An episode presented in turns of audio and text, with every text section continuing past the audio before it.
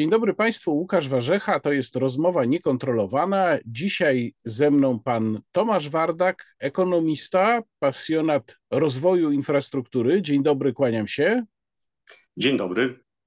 A przede wszystkim autor tej książki, Piasta i Szprychy, jest to jedyne znane mi tak um, obszerne, krytyczne opracowanie dotyczące centralnego portu komunikacyjnego, e, naprawdę bardzo kompleksowe. Na mnie zrobiło to duże wrażenie, kiedy zacząłem tę książkę przeglądać, bo jest to znacznie więcej niż jakieś tam publicystyczne wywody. Tutaj mamy po prostu mnóstwo faktów. No i chyba CPK też się poczuł wywołany do tablicy w pewnym momencie, ale o tym w dalszym ciągu naszej rozmowy. Natomiast książka ukazała się w 2021 roku. No oczywiście sytuacja z CPK jest, jak to mawiają policjanci i prokuratorzy, rozwojowa, ale pan na pewno tę sytuację cały czas dokładnie śledzi, więc co się zmieniło od tego czasu, kiedy książka się ukazała? Y, przede wszystkim y, zmieniła się y, sytuacja rynkowa. Ona była bardzo skomplikowana, trudna wtedy, kiedy, kiedy pisałem e, E, książkę, e, bo to był okres pandemii, największego kryzysu w lotnictwie e, cywilnym, w historii lotnictwa cywilnego. Natomiast wtedy już zgodnie z przewidywaniami ekspertów lotnictwo zaczynało powoli łapać oddech, wychodzić z tego kryzysu i pojawiały się prognozy, jak szybko to lotnictwo stanie na nogi. I wszystko wydawało się, że będzie powoli wracało do normy z jednym znakiem zapytania dotyczącym podróży biznesowych, bo tutaj, bo tutaj e, pandemia spowodowała taki bardzo e, duży rozwój e, nowoczesnych elektronicznych form komunikacji, które zastępowały podróże biznesowe. Natomiast rzeczywiście Książka ukazała się pod sam koniec, na sam koniec 2021 e, roku. Na początku kolejnego roku wybuchła wojna e, za naszą wschodnią granicą i e, w momencie, kiedy wybucha wojna, oprócz wielu różnych myśli, jedną myśl miałem dotyczącą tej książki, że ona pójdzie na przemiał, bo, bo byłem przekonany, że projekt CPK zostanie zawieszony zostanie zawieszony ze względu na to, że e, e, no, niebo nad Rosją e, zostało zamknięte dla, dla naszych samolotów. Został sparaliżowany Oczywiście rynek ukraiński też, też istotny dla rozwoju, rozwoju naszego przewoźnika. I wydawało mi się oczywiste, że no, projekt tym bardziej e, nie ma, nie ma e, sensu, bo projekt e, był oparty w dużej mierze na właśnie rozwoju połączeń lotniczych z Dalekim Wschodem, z, z Azją. A, a póki mamy. Ale przepraszam, że tak, mhm. samoloty przecież do Azji nadal latają, prawda? Więc na, na czym tu polega problem? Problem jest y, bardzo duży. Samoloty y, rzeczywiście latają do Azji, natomiast y, samoloty z krajów Unii Europejskiej, również ze Stanów, z wielu innych krajów, muszą latać naokoło Rosji. Tutaj, przepraszam, wtrącę, bo akurat miałem, taką, akurat miałem taką sytuację właściwie dopiero co w rodzinie, lot do Korei Południowej przez bardzo wielkie lotnisko w Stambule. Lotnisko, którym Turcy się chwalą, że ono jest podobno największe na świecie. Nie wiem, czy tak rzeczywiście jest, ale to jest taki chyba typowy hub przesiadkowy i podobno właśnie bardzo wiele lotów do Azji odbywa się za pośrednictwem tego stambulskiego lotniska.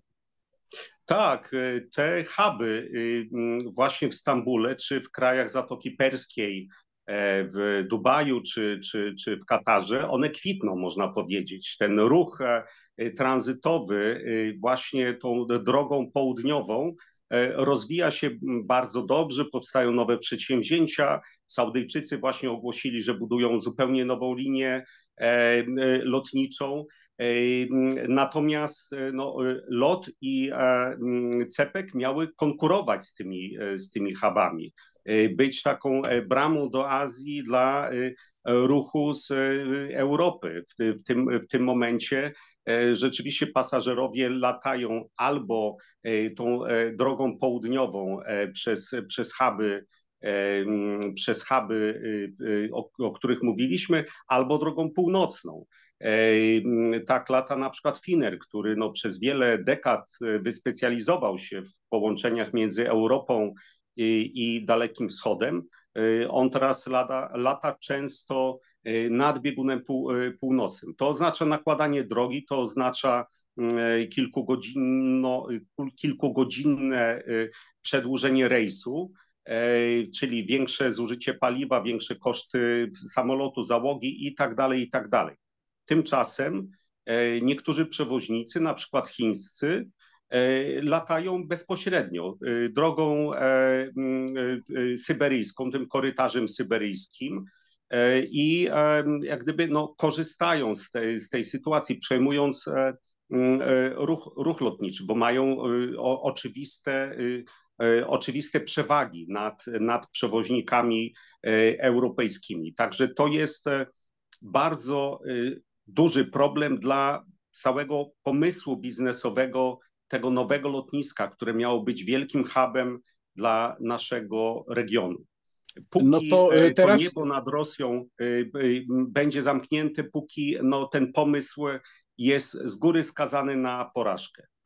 E, no to e, teraz zapytam o to, co się dzieje po polskiej stronie na dwóch poziomach, to znaczy, co się zmieniło od czasu wydania książki. To znaczy, po pierwsze, o ile się ewentualnie posunął do przodu sam projekt, który nie został zawieszony wbrew pańskim oczekiwaniom, no i po drugie, czy cokolwiek się zdarzyło w kwestii tej teoretycznej jego podbudowy, bo kiedy były studia dotyczące CPK wykonywane, no to było to i przed pandemią, no i przed wojną z Rosją. Czy tutaj jest jakaś zmiana? Czy, czy nie wiem, na przykład wprowadzano jakieś nowe, nowe yy, czynniki, współczynniki do tego, do tego studium? Czy w ogóle widać ze strony CPK jakąś reakcję na tę zmienioną sytuację?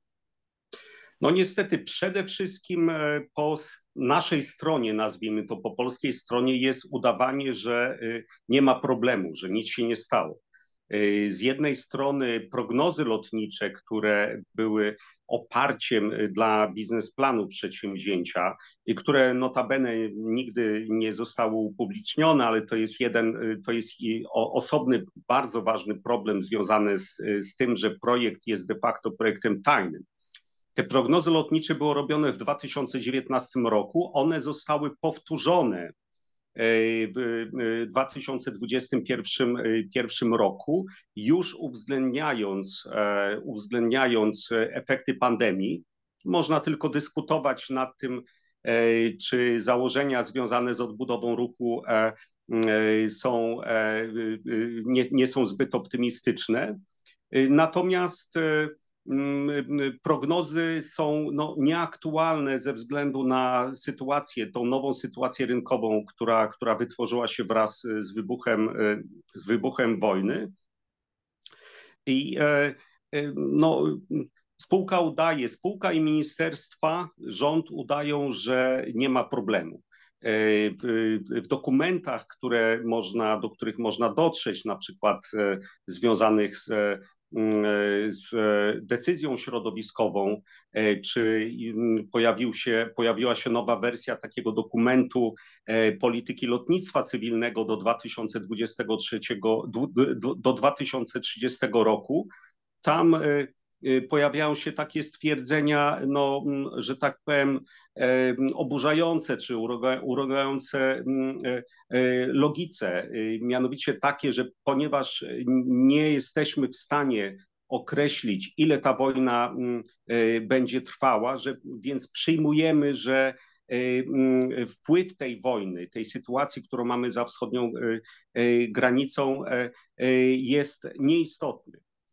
Na ten, na ten biznes. To jest no to, to są zadziwia, zadziwiające które, rzeczywiście. To kompletnie. są stwierdzenia, które można znaleźć w oficjalnych dokumentach z, z, związanych z tym programem. I to jest jak gdyby, to wyczerpuje tą reakcję mm, spółki, reakcję ministerstwa, reakcję rządu na tą zupełnie nową sytuację E, która jest związana z perspektywami, z perspektywami lotnictwa. Krótko mówiąc, udajemy, że nic się nie stało, udajemy, że, że, że wszystko, będzie, wszystko będzie y, super.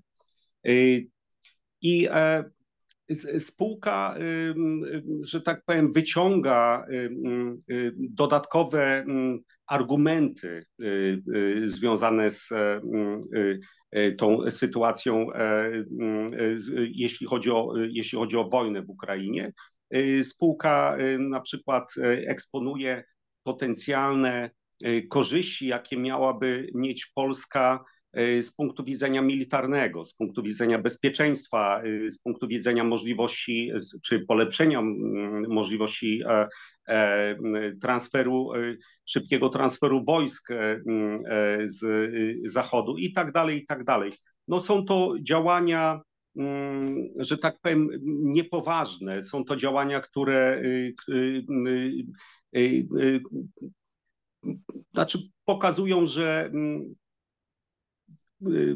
ministerstwo, spółka wiedzą, że, że jest bardzo duży problem dla lotu i dla, i dla CPK e, związany z tą nową sytuacją rynkową, udają, że, udają, że tego nie ma i e, próbują zakrzyczeć krytykę E, takimi argumentami, no, które, które słyszymy już od, od dawna, że jeśli ktoś krytykuje CPK, to znaczy, że chce rozwoju lotniska w Berlinie i, i, i tak dalej. A y, jak to wygląda, jeżeli chodzi o samą budowę? Oczywiście wiem, że budowa jeszcze nie trwa fizycznie, natomiast czy od, od czasu wydania książki coś się posunęło w kwestii konstrukcji CPK? Tak, tak. Tu, tu e, rzeczywiście te prace przygotowawcze idą e, pełną parą można powiedzieć, e, że one idą sprawnie. To znaczy, projekt jest prowadzony bardzo dynamicznie, bardzo sprawnie. Ja, ja tutaj nie zgadzam się z niektórymi krytykami, którzy mówią, że to jest ciągle takie pilnowanie łąki, że, że prawda, jest to wypłacanie pensji za E, za siedzenie i e, właśnie, że tak powiem, udawanie, że się pracuje. Wydaje mi się, że od tej strony projekt jest realizowany sprawnie i szybko. E, w tym momencie mm, został zakończony taki tak zwany program dobrowolnych wykupów mm, ziemi, która jest jak gdyby na, na, na tamtym terenie, na którym ma być zlokalizowane lotnisko. E, spora część e, właścicieli zdecydowała się e, sprzedać mm, swoją ziemię. Spółka otrzymała już decyzję środowiskową na, na samo lotnisko. To, to, to zostało zrealizowane no, w bardzo szybkim tempie. Można dyskutować, czy tutaj Mm, e, no, Regionalna Dyrekcja Ochrony Środowiska, że tak powiem, miała szansę przeczytać te wszystkie dokumenty, które, które zostały, zostały złożone, ale fakt jest taki, że decyzja środowiskowa już jest. Jest szereg umów, w tym, w tym na przykład umowa na, e, na projekt architektoniczny y, całego lotniska i terminala i tak dalej, i tak dalej. Także projekt idzie do przodu. No, warto jeszcze y, wspomnieć o y, całym komponencie kolejowym, który też tutaj. tutaj A to właśnie do tego, do tego jeszcze, jeszcze mhm. do tego przejdziemy dalej. Natomiast chciałem zapytać, Mm, o kwestię wykupu gruntów, bo Pan powiedział o tym programie dobrowolnej sprzedaży e, gruntu przez właścicieli. Bardzo dużo było wokół tego kontrowersji, zamieszania. No, opozycja też bardzo często wyciągała te sprawy, te, te kłótnie, spory. Tam pan Marcin Chorała też jeździł, uczestniczył w różnych rozmowach, czyli prezes e, spółki CPK. Mm, jak Pana zdaniem ta część programu budowy CPK, jak ją można oceniać, czy osoby na gruncie, których CPK ma powstać, zostały potraktowane pańskim zdaniem przez polskie państwo w porządku, nie w porządku? bo to często bywa bardzo kontrowersyjny i trudny element tego typu inwestycji, czyli właśnie zdobycie od prywatnych właścicieli gruntu pod nie. Jest to sprawa kontrowersyjna, jest to sprawa trudna oczywiście, bo dotykająca no, ludzkich dramatów często i, e, i emocji. Ja, ja też nie ukrywam, że znam e, wielu, wielu z tych e, ludzi, którzy tam, tam mieszkają. Natomiast staram się też obiektywnie popatrzeć na to i myślę, że w całym tym projekcie, w którym jest mnóstwo bardzo źle zrobionych rzeczy, czy postawionych na głowie, ten akurat element został zrealizowany moim zdaniem w miarę sensownie. To znaczy, to, to, to, to znaczy taki pomysł, żeby zaproponować właścicielom na tym terenie takie dobrowolne sprzedanie z jakąś premią, oczywiście można dyskutować, dla jednych to była premia zadowalająca, dla wielu innych, na przykład tych, którzy mają tam y, większe gospodarstwa, na pewno to, to, to nie było satysfakcjonujące. Natomiast sam pomysł, jego realizacja, myślę, że, myślę, że to jest e, najmniejszym problemem w tym, e, w tym, w tym, w tym e, projekcie. Oczywiście, no, nie wszyscy mm, mieszkańcy zgodzili się sprzedać dobrowolnie. No i e, teraz obawiają się następnego kroku, logicznego kroku, czyli, czyli wywłaszczeń. Tu już, tu już będziemy mówili o, mm, o, o, o wiele trudniejszych e, e, sprawach. Natomiast ten pomysł dobrowolnych mm, wywłaszczeń wydaje mi się, że no, tak jak powiedziałem, to, to, to, to zostało y, zrealizowane całkiem sprawnie. Efekt jest też, nie ma co ukrywać, nie najgorszy dla, y, dla, dla, dla, dla spółki. To znaczy spółka w krótkim czasie y, pozyskała na zasadzie dobrowolności całkiem mm, sporą część tego, tego terenu, który jest potrzebny do rozpoczęcia, do rozpoczęcia inwestycji. E, jest jeszcze jeden czynnik, który wydaje się, że może wpłynąć na rentowność CPK, mm, a o którym mało się mówi, to znaczy kwestia polityki klimatycznej Unii Europejskiej. Będziemy mieli system ETS-2, w ramach którego między innymi transport zostanie objęty handlem emisjami, no również transport lotniczy, co oznacza, że ceny biletów lotniczych nieuchronnie pójdą w górę. Ja nie widziałem co prawda jeszcze żadnych szacunków, o ile konkretnie one, te ceny mogą wzrosnąć, ale wiele osób obawia się, że może to oznaczać koniec y, tanich biletów lotniczych. Czy ten czynnik Pana zdaniem będzie miał jakieś znaczenie przy określaniu tego, czy CPK ma sens, czy on ma jakieś znaczenie?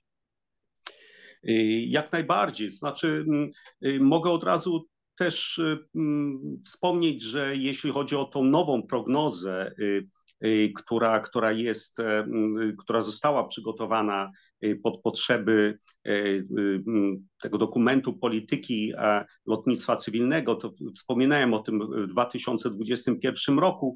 Ten element w w wariancie pesymistycznym został uwzględniony. Oczywiście nie znamy wielu szczegółów, natomiast kwestia E, polityki klimatycznej e, Unii jako takiego no, e,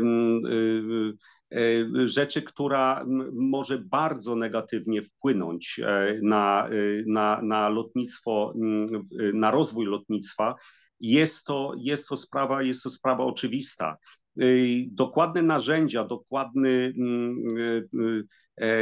do, do, wpływ, e, jaki, jaki, jaki e, ta polityka będzie miała, no tutaj myślę, że mm, jeszcze, jeszcze wielu szczegółów nie wiemy. I na przykład e, jeszcze przed pandemią mm, pomysłem komisji na mm, walkę z, nazwijmy to tak, z takim szybkim rozwojem lotnictwa cywilnego było opodatkowanie paliwa, między innymi jednym, jednym z pomysłów. No bo fakt jest taki, że paliwo lotnicze w, w przeciwieństwie na przykład do, e, do benzyny czy do, e, czy do oleju napędowego nie jest opodatkowane.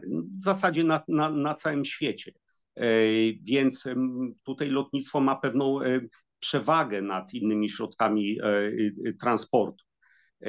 I no, w sposób oczywisty w momencie, kiedy Unia Europejska walczy z globalnym ociepleniem, to, to, to takie narzędzie mogłoby być zastosowane. One do tej pory nie zostało zastosowane, ale niewykluczone. To, to wisi jak taki miecz Demoklesa nad, nad lotnictwem, niewątpliwie. Tutaj e, różne narzędzia mogą być zastosowane, e, natomiast e, myślę, że, my, myślę, że wcześniej czy później lotnictwo z tym się zderzy. Chciałbym poprosić, żeby się Pan odniósł do tego podstawowego argumentu, o który Pan lekko zahaczył, mówiąc, że mm, y, argumentem CPK jest to, że jeżeli ktoś krytykuje, no to chce, żeby Niemcy wygrywali i po co nam lotnisko w Polsce, takie, taki hub lotniczy, jeżeli jest w Niemczech. Ale czy rzeczywiście jest tak, że w ogóle ten pomysł, abstrahując teraz już od wpływu wojny na Ukrainie, czy w ogóle ten pomysł miał sens, czy nie? Bo ta wizja, żeby Polska przejęła od Niemiec, no zwłaszcza od tego lotniska berlińskiego dużego, przejęła od Niemiec część przynajmniej tego ruchu dalekosiężnego lotniczego, może się wydawać atrakcyjny i sensowny. Weźmy sobie, wykrójmy część tego tortu, dlaczego mamy wszystko zostawiać niedaleko e, położonym Niemcom? Myślę, że y, warto y, dać kilka informacji, które jak gdyby rozbroją ten, ten, ten argument, y, który jest tak no, bardzo powierzchownie szafowany przez zwolenników CPK. Po pierwsze, Niemcy nie mają jednego takiego wielkiego lotniska, ale mają trzy. Z tego no, jedno, czyli Frankfurt, jest bardzo duże E, dwa Monachium i Berlin e, nieco mniejsze. My budujemy jedno, więc nawet zbudujemy to jedno i tak będziemy w tyle za Niemcami. Pamiętajmy o tym. Po drugie, Berlin nie jest, e, de facto nie jest lotniskiem przesiadkowym, nie jest hubem żadnej linii. Miał być hubem linii Air Berlin, która upadła przed otwarciem nowego lotniska. Lufthansa nie jest póki co zainteresowana otwarciem hubu w Berlinie. Być może będzie w przyszłości, ale na razie, mm, na razie tego nie zrobiło. E, Letnis, e, przepraszam, e, Berlin jest lotniskiem nakierowanym przede wszystkim na ludzi, którzy latają do i z Berlina, a także na ludzi, którzy mieszkają w pobliżu. Wiele osób latało z Berlina wielu mieszkańców e, zachodniej Polski latało z Berlina e, jeszcze przed budową tego lotniska, po, po prostu ze względu na to, że tam były duże lotniska, tam był duży ruch, wybór połączeń mm, i dosyć wygodny dojazd na te lotniska. Tutaj nic się nie zmieniło wraz z otwarciem no, nowego lotniska i myślę, że nie zmieni się też wraz z otwarciem lotniska w Baranowie. Y, mm, ludzie z e, tych kilku e, e, województw graniczących z Niemcami bardzo często ciągle będą korzystać z Berlina, korzystać z wygodnych połączeń. Mm, duże lotnisko, wiadomo, oferuje, oferuje duży wybór lotów. Tutaj decydują, decyduje wygoda pasażerów, nie decyduje, nie decyduje mm, polityka. Y, w rejonie, w, na, w, naszym regionie jest e, jeszcze lotnisko w e, Wiedniu, o którym warto w, y, wspomnieć. To jest e, rzeczywiście hub, z którym Warszawa konkuruje. To jest lotnisko też, które ma swoje plany rozwoju i w naszym regionie są też lotniska skandynawskie, które też chcą się rozwijać. W zasadzie Mm, to, co napisałem w książce, y, Warszawa czy, czy centralna Polska jest otoczona e, lotniskami, które chcą się rozwijać, e, które mają e, plany rozwoju, również właśnie rozwoju na zasadzie budowy hubu, wizja, że nagle nowe lotnisko pod Warszawą przejmie cały ruch tranzytowy, no jest mm, zupełnie oderwana od faktów. To, to po prostu się nie zdarzy. Tak jak do tej pory lotniska walczyły z konkurencją, pasażerowie z tego korzystali, tak będzie dalej. Tak będzie dalej. Nowe lotnisko w Baranowie nie będzie takim centralnym hubem dla naszej części Europy, bo inni na to nie pozwolą. Nie pozwolą na to inni, inne linie lotnicze, nie pozwolą na to inne lotniska. O tym należy pamiętać. Y, pan powiedział lotnisko pod Warszawą, takiego pan użył określenia. To jest kolejny kontrowersyjny punkt, czyli lokalizacja tego lotniska. No, także kontrowersyjnym punktem jest to, co by miało się stać z lotniskiem, portem lotniczym imienia Chopina, czyli, czyli z Okęciem. Wiele osób wskazuje, że Warszawa jest w tej chwili dobrze skomunikowana. Jak ktoś potrzebuje lecieć dalej, no to dojeżdża sobie do Warszawy, nawet można pociągiem dojechać do samego lotniska mm, i stamtąd polecieć. Natomiast tutaj trzeba całą tę infrastrukturę dojazdową budować od nowa. A zatem, jak pan ocenia te dwie kwestie, czyli lokalizację właśnie w Baranowie i co ma się stać właściwie z lotniskiem na Okęciu? Jeśli chodzi o lotnisko na Okęciu, to e, e, ono musi być zamknięte dla ruchu pasażerskiego. E, I to zresztą zostało dosyć jasno określone w takim kluczowym dokumencie rządowym, w tak zwanej koncepcji rządowej z 2017 roku, E, wraz z otwarciem e, nowego lotniska cały ruch pasażerski e, z Okęcia musi zniknąć. To zresztą jest logiczne, bo no, podział ruchu lotniczego skutkowałby fatalnie dla, dla, tego, dla, dla tego nowego, nowego projektu. A przepraszam, no... tutaj przerwę, dlatego że bardzo mhm. wielu pewnie moich widzów kojarzy doskonale, że wiele europejskich stolic ma port lotniczy jeden czy dwa, owszem, położone kilkadziesiąt kilometrów od centrum, czy nawet od granicy miasta, ale bardzo często jest mniejsze lotnisko położone wręcz w granicach miasta. No i takie było oczekiwanie, że Okęcie będzie pełnić właśnie rolę takiego mniejszego lotniska położonego w granicach miasta, a z tego, co pan mówi, wynika, że, że nie, że ono po prostu ma przestać działać. Y, Warszawa jest po prostu za małym rynkiem, żeby, y, żeby mogła sobie pozwolić na coś takiego. Y, przykład takiego układu jest e, w Mediolanie, gdzie jest e, stare lotnisko e, Linate i nowe lotnisko Malpensa.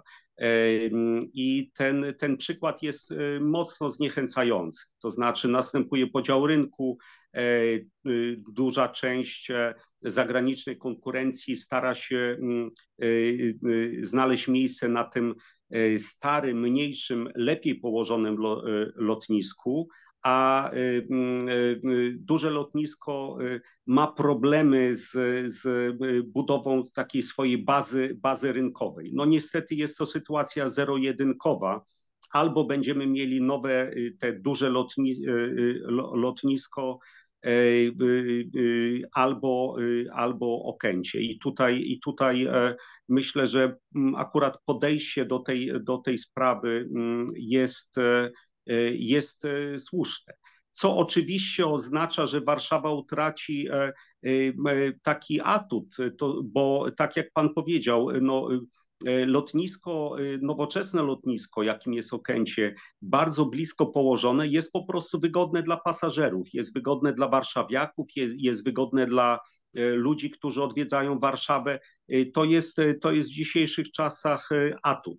Y, ale oczywiście jednocześnie ma swoje, y, Okęcie ma, ma mm, swoje wady. No podstawowa wada to jest e, e, ten układ e, dróg startowych krzyżujących się, który mocno ogranicza przepustowość. I rzeczywiście, jeśli, jeśli chcemy, żeby bardzo mocno zwiększyć ruch lotniczy, obsługujący Warszawę, to Okęcie nie jest w stanie tego obsłużyć. Tu oczywiście możemy dyskutować o pewnych takich tezach, które są przedstawiane przez ministra Chorałę, przez CPK, jeśli chodzi o to, jaki jest E, jaka jest prawdziwa maksymalna przepustowość e, Okęcia. E, myślę, że ona jest no, co najmniej 28 milionów pasażerów rocznie, być może, być może nawet więcej. To jest oczywiście o wiele więcej niż Okęcie obsługiwało w najlepszych czasach i dużo więcej niż obsłuży mm, w najbliższym, w najbliższym czasie. Mm, natomiast, na, natomiast no, siłą rzeczy Y, przy takim układzie pasów startowych tego, ten rozwój nie może następować e, w, nie, w nieskończoność. E, a co w takim razie z lotniskiem w Modlinie, które jest szczególnie lubiane przez e, pasażerów tanich linii, bo one głównie z tego lotniska latają, a które jest traktowane przez rząd jako nawet nie, nawet nie niechciana konieczność, tylko po prostu w ogóle jako niechciany element? No rzeczywiście, Modlin e, moim zdaniem jest prawdziwą perełką, bo to jest, e, można powiedzieć, lotnisko, które mogłoby być e, idealnym lotniskiem dla obsługi tanich linii. A pamiętajmy, że tanie linie, ten segment rynku lotniczego rozwija się najszybciej po, po pandemii. On, on już teraz przekroczył te poziomy, które widzieliśmy w 2019 roku. Modlin jest e, dobrze położony. E, w przyszłości, w całkiem niedalekiej przyszłości będzie e, też dobrze skomunikowany z, z, z, Warszawą, ma możliwości taniego rozwoju i to, co jest naprawdę unikalne w Europie, to znaczy ten rozwój ma poparcie lokalnych władz i lokalnej społeczności, bo to, to są miejsca pracy. I, i, to, I to jest nadzieja na rozwój e, e, lokalnych gmin, e, miast. Także zupełnie unikalna sytuacja, która no niestety mm, mm, zderza się z wielką niechęcią mm, naszych władz, gdyż projekt rozbudowy Modlina, który można by zrobić bardzo tanio, no jest, sta, staje w konflikcie z mm, e, pomysłami e, e, i projektami rządzących, czyli z CPK i z Radomiem. I, I, to jest, I to jest podstawowy problem. Myślę, że wcześniej czy później Modlin znowu zacznie się rozwijać i Modlin stanie się takim głównym lotniskiem niskokosztowym i być może też czarterowym dla, dla centralnej, e, centralnej e, Polski. Ma, ma na to szansę, ma pewne cechy, które, które, które mm, stawiają go jako takiego oczywistego kandydata do tego, żeby takim lotniskiem być. A takiego lotniska potrzebujemy, bo to są rzeczywiście różne segmenty rynku. Jeśli ktoś mówi, że ten ruch niskokosztowy będzie obsługiwany w CPK, to pamiętajmy, może być obsługiwany w CPK, ale y, no, tak drogie, y, tak kosztowne lotnisko po prostu będzie marnowało swój, swój, swój, swój potencjał. Linie kosztowe ani pasażerowie linii kosztowych nie potrzebują takiego, takiego lotniska do, do taniego latania. Y, pytanie o infrastrukturę. Ten temat już się wcześniej pojawił, natomiast y, no, wielokrotnie słyszeliśmy, że konstruowanie samego lotniska w Baranowie bez całej towarzyszącej mu infrastruktury umożliwiającej szybki dojazd z wielu punktów w Polsce nie ma sensu. No, tylko, że ta infrastruktura wymaga w niektórych miejscach położenia w ogóle nowych linii kolejowych. Jest pytanie, jak będzie wyglądała sprawa dojazdu samochodowego, chociażby z Warszawy. Na jakim etapie to wszystko jest i czy rzeczywiście można dzisiaj, obserwując budowę CPK, założyć, że otwarcie, uruchomienie tej infrastruktury, czyli tego, co też w tytule pana książki jest nazwane szprychami, ale też sam, sami ludzie z CPK to tak nazywają, że to nastąpi w tym samym czasie, co uruchomienie lotniska, że to się uda zgrać jedno z drugim. Spółka ciągle deklaruje taki zamiar. Natomiast myślę, że nie jest, to, nie jest to realne. Tutaj w ogóle mówimy o harmonogramach, które są bardzo napięte. Spółka trzyma się tej daty, koniec 2027, jeśli chodzi o otwarcie lotniska i tej głównej linii kolejowej, która będzie obsługiwała lotnisko, czyli Warszawa, CPK Łódź.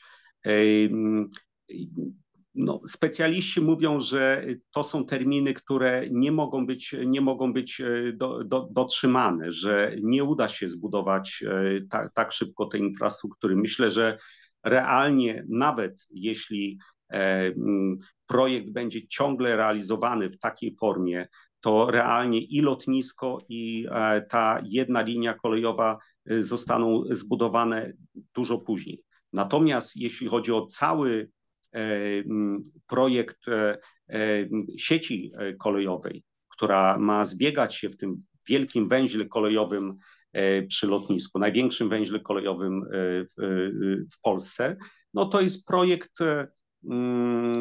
to jest ta najbardziej kontrowersyjna, czy mógłbym powiedzieć absurdalna część tego, te, te, tego projektu. Z wielu powodów. Po pierwsze, sama spółka przygotowała prognozy potoków pasażerskich, czyli prognozy wykorzystania tych linii kolejowych przez pasażerów w formie tak zwanego pasażerskiego modelu transportowego, która, no, te prognozy nie zostały upublicznione, natomiast informacje, które zostały przekazane opinii publicznej pokazują rzecz no, oczywistą dla specjalistów, że wiele z tych linii kolejowych, które zostały wyrysowane, one są po prostu niepotrzebne. Jeśli buduje się linię o parametrach linii dużych prędkości, którą ma jeździć dwa, trzy pociągi, dwa, trzy pociągi dziennie.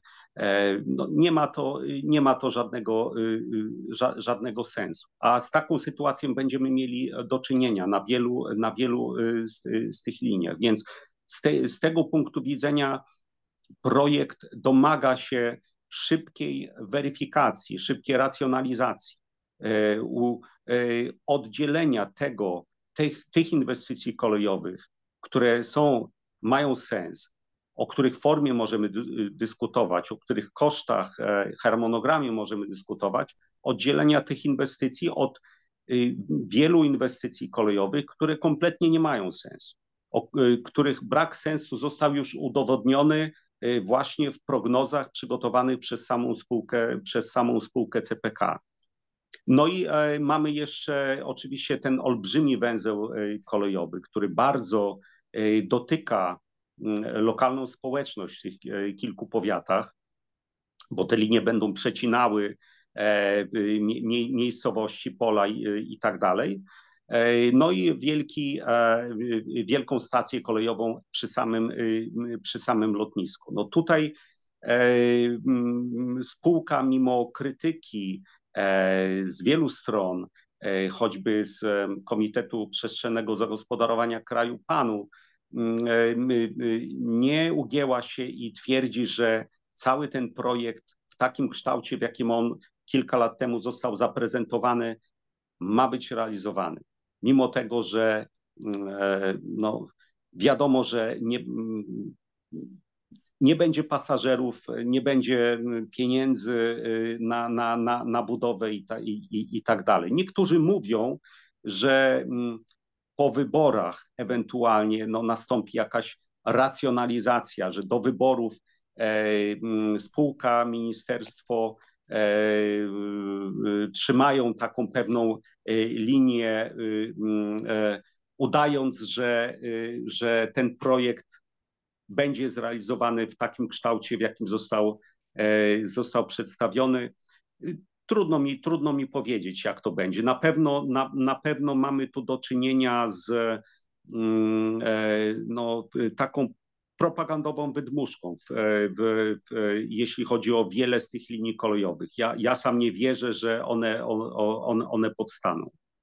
A skoro mówi Pan o, o, o kosztach, czy jesteśmy w stanie oszacować dzisiaj, jaki będzie faktyczny, całościowy koszt y, budowy CPK? E, ten, ten koszt y, każdym normalnym projekcie zostałby oszacowany i byłby przedmiotem jakiejś publicznej debaty, y, oszacowany przez spółkę przez, e, przez prowadzącego projekt. No tutaj mamy y, też e, sytuację kuriozalną, że takich szacunków e, nie ma. Nie ma. Ja sam przedstawiłem pewne takie zgrabne szacunki w swojej książce. Myślę, że one teraz są już nieaktualne ze względu na upływ czasu, na to, że mamy jednak wysoką inflację. Na dzisiaj myślę, że gdyby ktoś chciał realizować projekt w, tym kształcie, w jakim on jest, y, w jakim on obecnie obowiązuje, myślę, że mówilibyśmy o całkowitym koszcie prawdopodobnie około 500 e, e, miliardów e, złotych. To są po prostu gigantyczne pieniądze. To, są pieniądze no, rzędu przychodów polskiego budżetu, rocznych przychodów polskiego budżetu.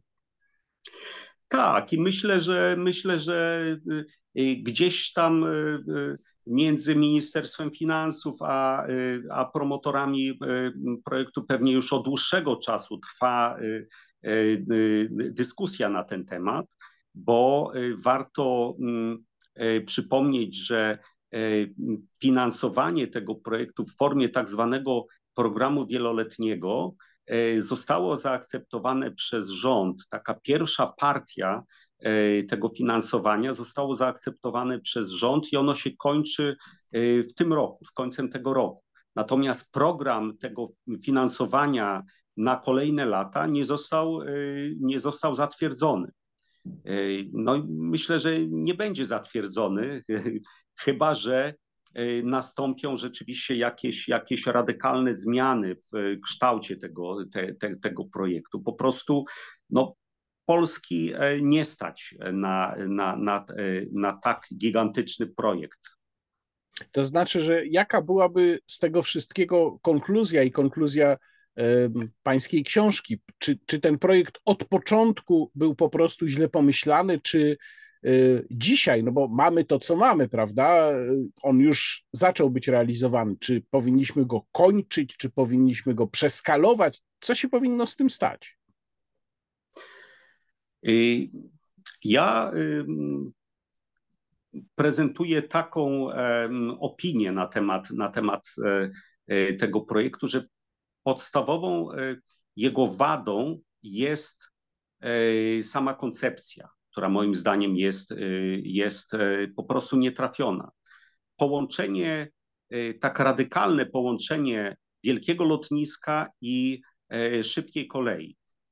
To nie zostało nigdzie na świecie wdrożone, nie zostało nigdzie na, na świecie przetestowane.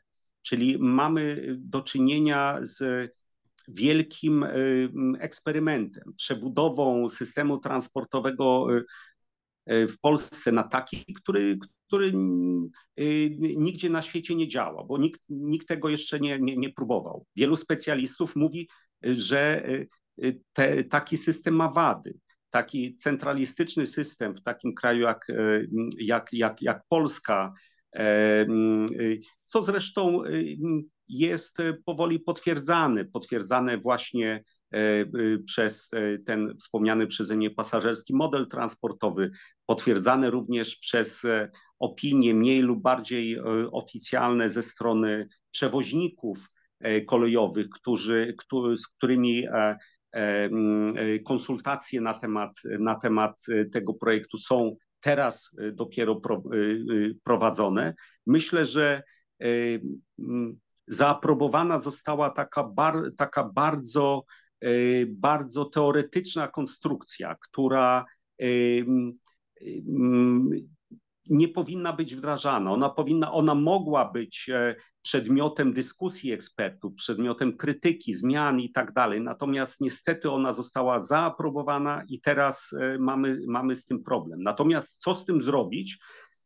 No rzeczywiście poddać racjonalnej, że tak powiem, zmianie. Moim zdaniem to, to, jest, takie, to jest takie minimum.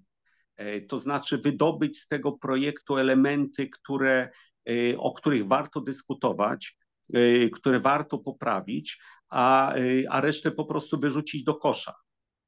Myślę, co by, mogło, co by mogło w takim razie zostać? Tak, co by mogło zostać z tego, z tego myślę, my, myślę, że warto dyskutować e, nad centralnym lotniskiem, bo to jest taka rzecz, która e, według wielu specjalistów e, no w perspektywie wieloletniej ona, ona jednak może się przydać w Polsce. Ona, ona może, być, może być przydatna, potrzebna.